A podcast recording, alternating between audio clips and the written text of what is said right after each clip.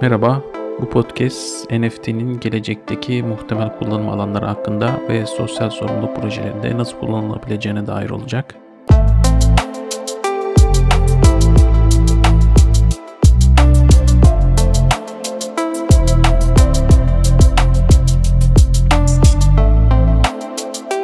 NFT hakkında daha temel bilgilere sahip olmak için yaptığım bir önceki podcast'i dinlemenizi tavsiye ediyorum. Tabi bu arada Hazine ve Maliye Bakanlığı exchange borsalarından kripto hesap bilgilerini istedi. Bu piyasalara olumlu ve olumsuz olarak yansıyabilir fakat benim genel görüşüm açıkçası olumlu bir gelişme. Tabi bunu olumsuz olarak değerlendirecek bir grup olacaktır. Bu da piyasaya yansıyacaktır. Çünkü biliyorsunuz bu piyasanın amacı zaten kontrolsüz olmaktı. Fakat ben bunu olumlu olduğunu düşünüyorum. Devletler bir piyasayı kontrol etmek isterlerse bunu da tanıdıkları anlamına gelir aynı zamanda bunun güvenliğini de sağlamak için sorumluluk alacaklar anlamına gelir. O yüzden ben açıkçası bu gelişmeyi olumlu olarak karşılıyorum. Peki dijitalleşen dünyada NFT'nin kullanım alanlarındaki yerini biraz daha genişletirsek Biliyorsunuz oyun dünyasında zaten dijital nesneler yıllardır alıp satılabiliyordu. Fakat burada benim dikkat çekmek istediğim diğer bir konu sanal gerçeklik. Birçok teknoloji firması bu konuda yatırımlar yapıyor. Hatta Apple'ın bile bu konuda ciddi yatırımlar yaptığını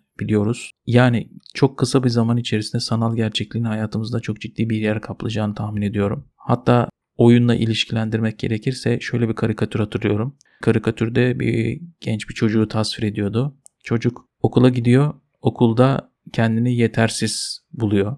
Ailesi kendisini yetersiz buluyor. Sokakta herkes onu asosyal buluyor. Fakat oyun dünyasında çok kabiliyetli, çok yetenekli ve herkesin hayran olduğu bir figür çiziyor. Şimdi böyle bir ortamda tabii ki kendinizi oyuna verirsiniz. Sanal gerçeklikte ileride böyle bir ortam yaratabilir. Yani bu ne anlama gelir?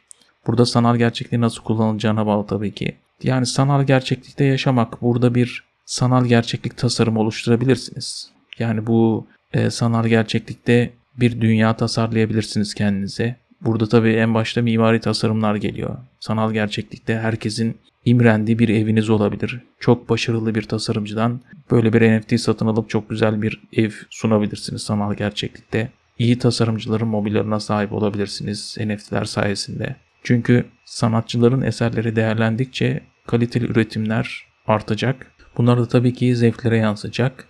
Çünkü günümüzde gördüğüm en büyük sorunlardan birisi açıkçası sanatçıların eserlerinin yeteri kadar değer bulamaması.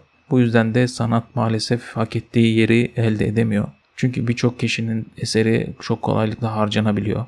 NFT zaten bunu büyük ölçüde kıracağını düşünüyorum. Çünkü sanatçılar kendi eserlerini dünya üzerinde sahipliğini kanıtlamış ve çok daha geniş bir pazara sunmuş olacaklar. Bu da onların değerini arttıracak, onları teşvik edecek, daha başarılı, daha insanların istediği tarzda üretimler yapmaya, tasarımlar yapmaya, sanat üretmeye teşvik edecek. Yine sanal dünya tasarımına gelince tabii ki mobilyalardan bahsettik. E, eviniz önünde herkesin hayran olacağı bir tasarımdaki arabayı koyabilirsiniz. Çok ünlü bir tasarımcının veya ünsüz bile olsa çok güzel bir tasarımı NFT olarak satan birisinden satın alıp bu arabayı bu sanal gerçeklikte evinizin önüne koyabilirsiniz. Bu size bu sizin zevkiniz hakkında insanlara çok iyi fikirler verecektir. İnsanlar bunu görmek isteyecektir. Bu tasarladığınız dünyanın içinde belki de var olmak isteyecektir. Tabi bunlar şu anda çok hayali fikirler gibi geliyor ama birçok hayal ettiğimiz şey çok kısa sürede gerçekleştiği gibi açıkçası